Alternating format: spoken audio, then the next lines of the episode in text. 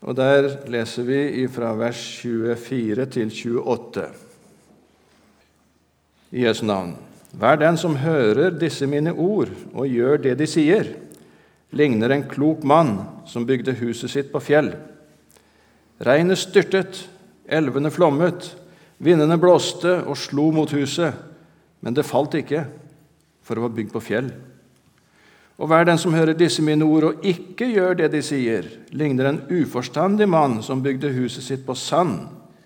Regnet styrtet, elvene flommet, og vindene blåste og slo mot huset. Da falt det, og fallet var stort. Da Jesus hadde fullført denne talen, var folket slått av undring over hans lære, for han lærte dem med myndighet, og ikke som deres skriftlærde.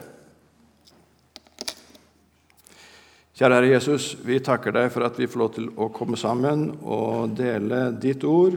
Og så feirer vi at Lukas Cabera er blitt døpt og innlemma i din menighet her på jord.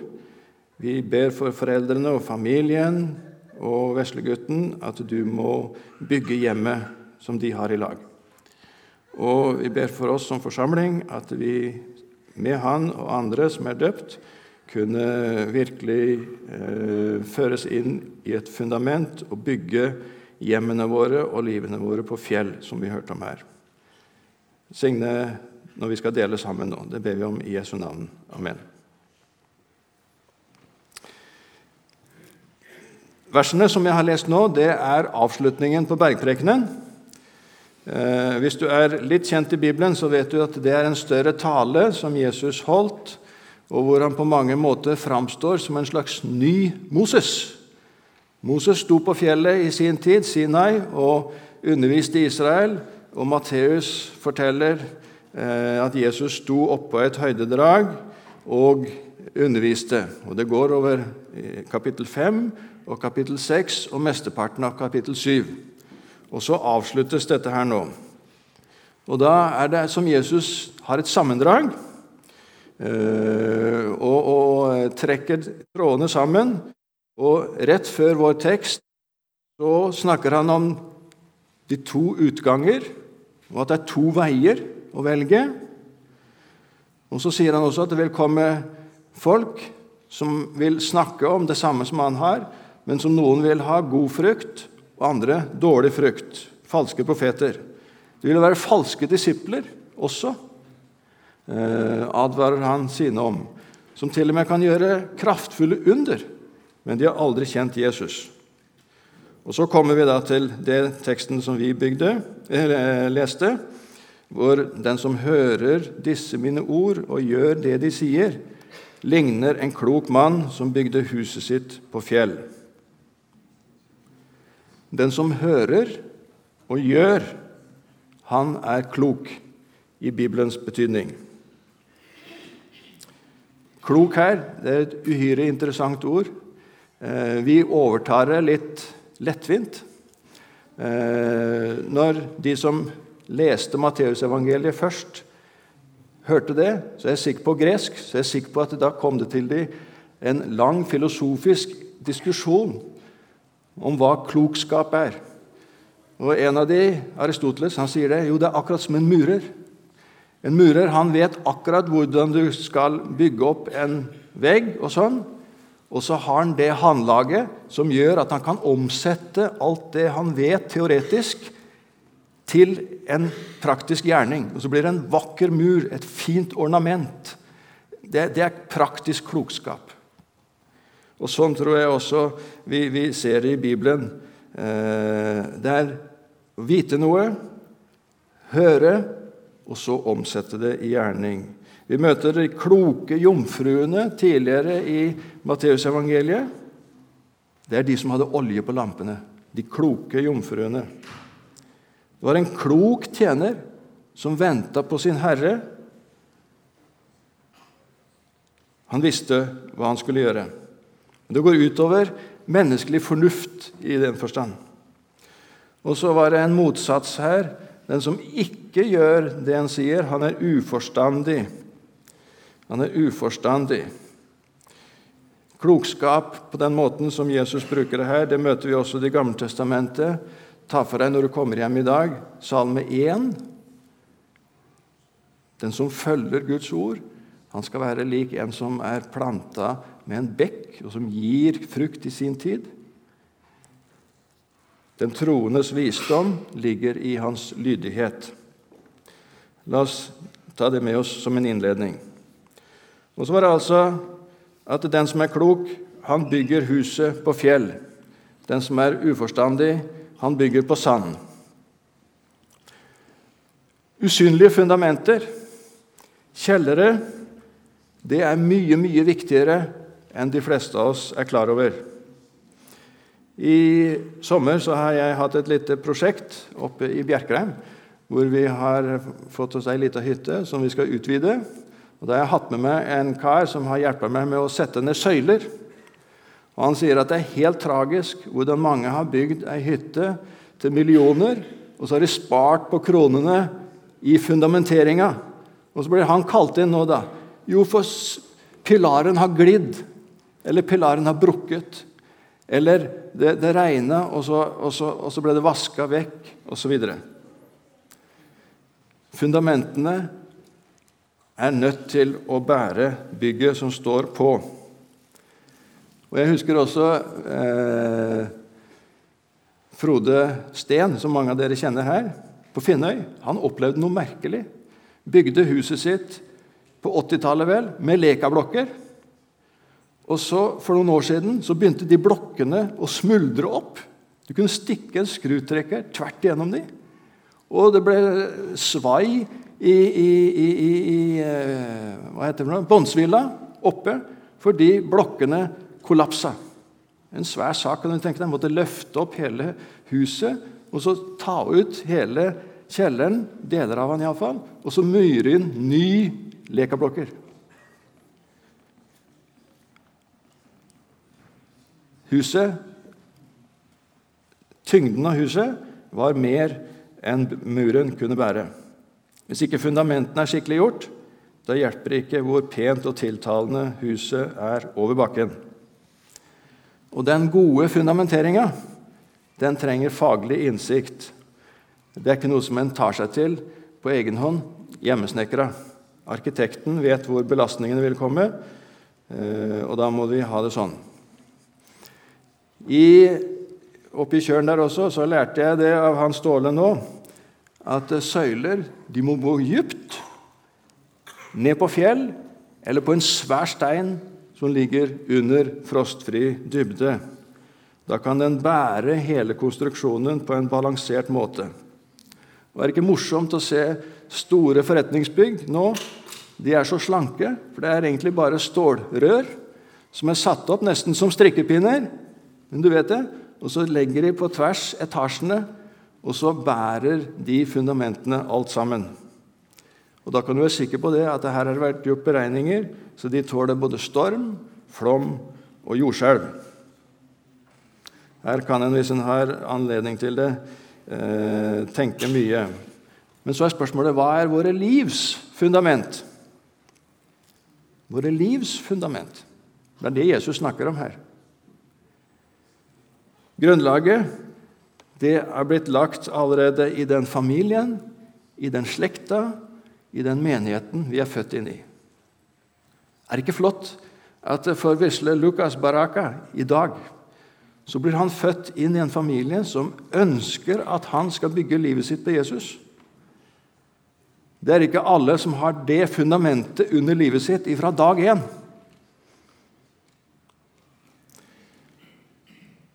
Før Lukas helt tatt tenker over det, så er det mye gjort i hans liv.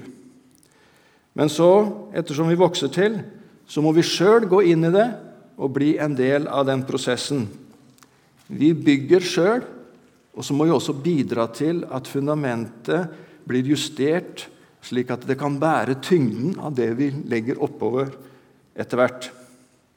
Noen går i opprør og vil rive og bygge nytt ganske tidlig. De vil begynne å regissere eget liv. Andre vil pusse opp. Andre ser at det jeg har, det er bra. Jeg vil bygge videre på det.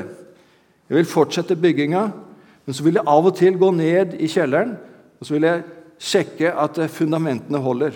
Eller der hvor jeg ser at det ikke var godt nok, der må jeg bytte det ut eller forsterke det. Er det ikke pussig at på Narvesen så er det et utall av interiør- og fasademagasiner? Men det er svært lite om fundamenter. Mange er i hverdagen veldig opptatt av fasade, det som syns. Men fundamentene, grunnholdningene våre i livet, kan de bære den fasaden som vi er i ferd med å bygge opp? Hva når noen opplever tunge tider, f.eks.? Intens motgang, sorg, sykdom? Da er det slik at mange kollapser. Eller i overført betydning annen type vind, regn, flom som øver trykk eller avdekker fundamentene, sånn som en, en flom vil gjøre. Vi har sterke bilder på de fleste av oss fra Harvey og Irma. Og Jeg forsto også nede i Bjerkreim der for noen år siden orkanen Synne gjorde skikkelig eh, eh, arbeid der nede. Når vi snakker i disse termene, så snakker vi om å være mer enn psykisk robust. Det har ikke noe med, med, med psykologi Selv om det, vi er psyk psykologiske, vi har en syke også. Men vi snakker om en tros- og en livsoppfatning som bærer gjennom livet. Hva er det? Det er også snakk om integrasjon og sammenheng. At det ikke skal være en uholdbar spenning mellom det du tror, og det du sier og gjør. Det var det Jesus henviste til første rekke her mellom troen din og virkeligheten der ute, det er her det rakner for mange. Eller at eh, den indre bygningen din har ikke sammenheng. Det er bare beter som er satt sammen herifra og derifra uten at de egentlig hører sammen.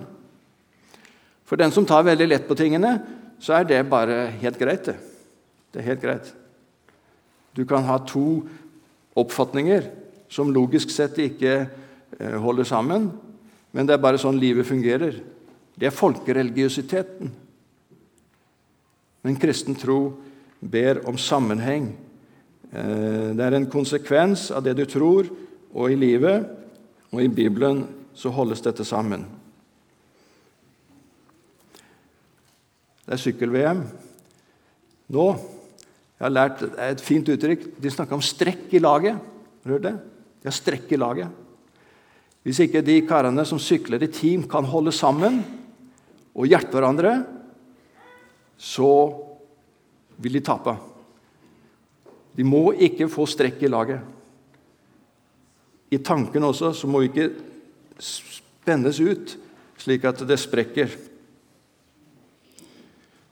Sprikende oppfatninger. Og I fotball, for den som er mer fortrolig med det, så husker jeg det. Hold formasjonen. Hold formasjonen.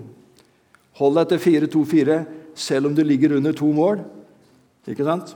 Her er det mange bilder som kan hjelpe oss. Peter snakker om det i leseteksten som vi har i dag. Skal vi få opp den? Eh?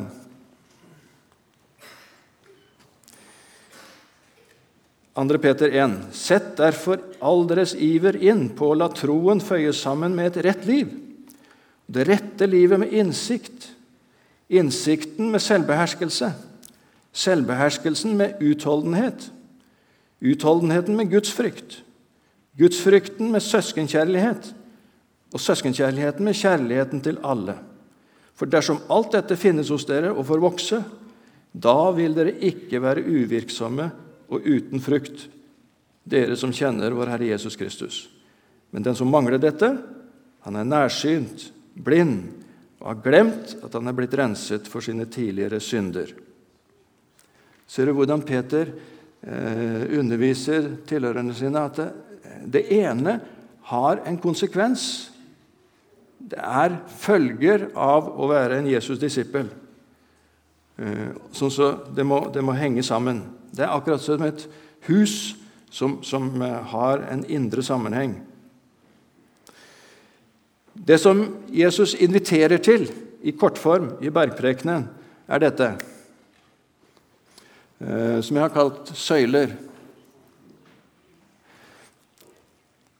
Gud skapte verden til fellesskap med seg. Da var det godt å leve. Skapelsen. Men så kom det en ond makt inn i tilværet som mennesket sluttet seg til. Det skilte oss fra Gud. Det kaller vi synd.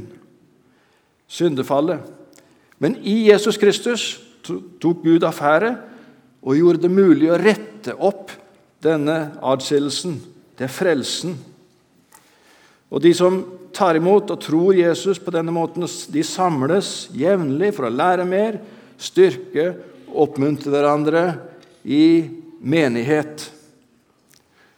Og så er dette noe som må bæres videre i evangelisering og misjon.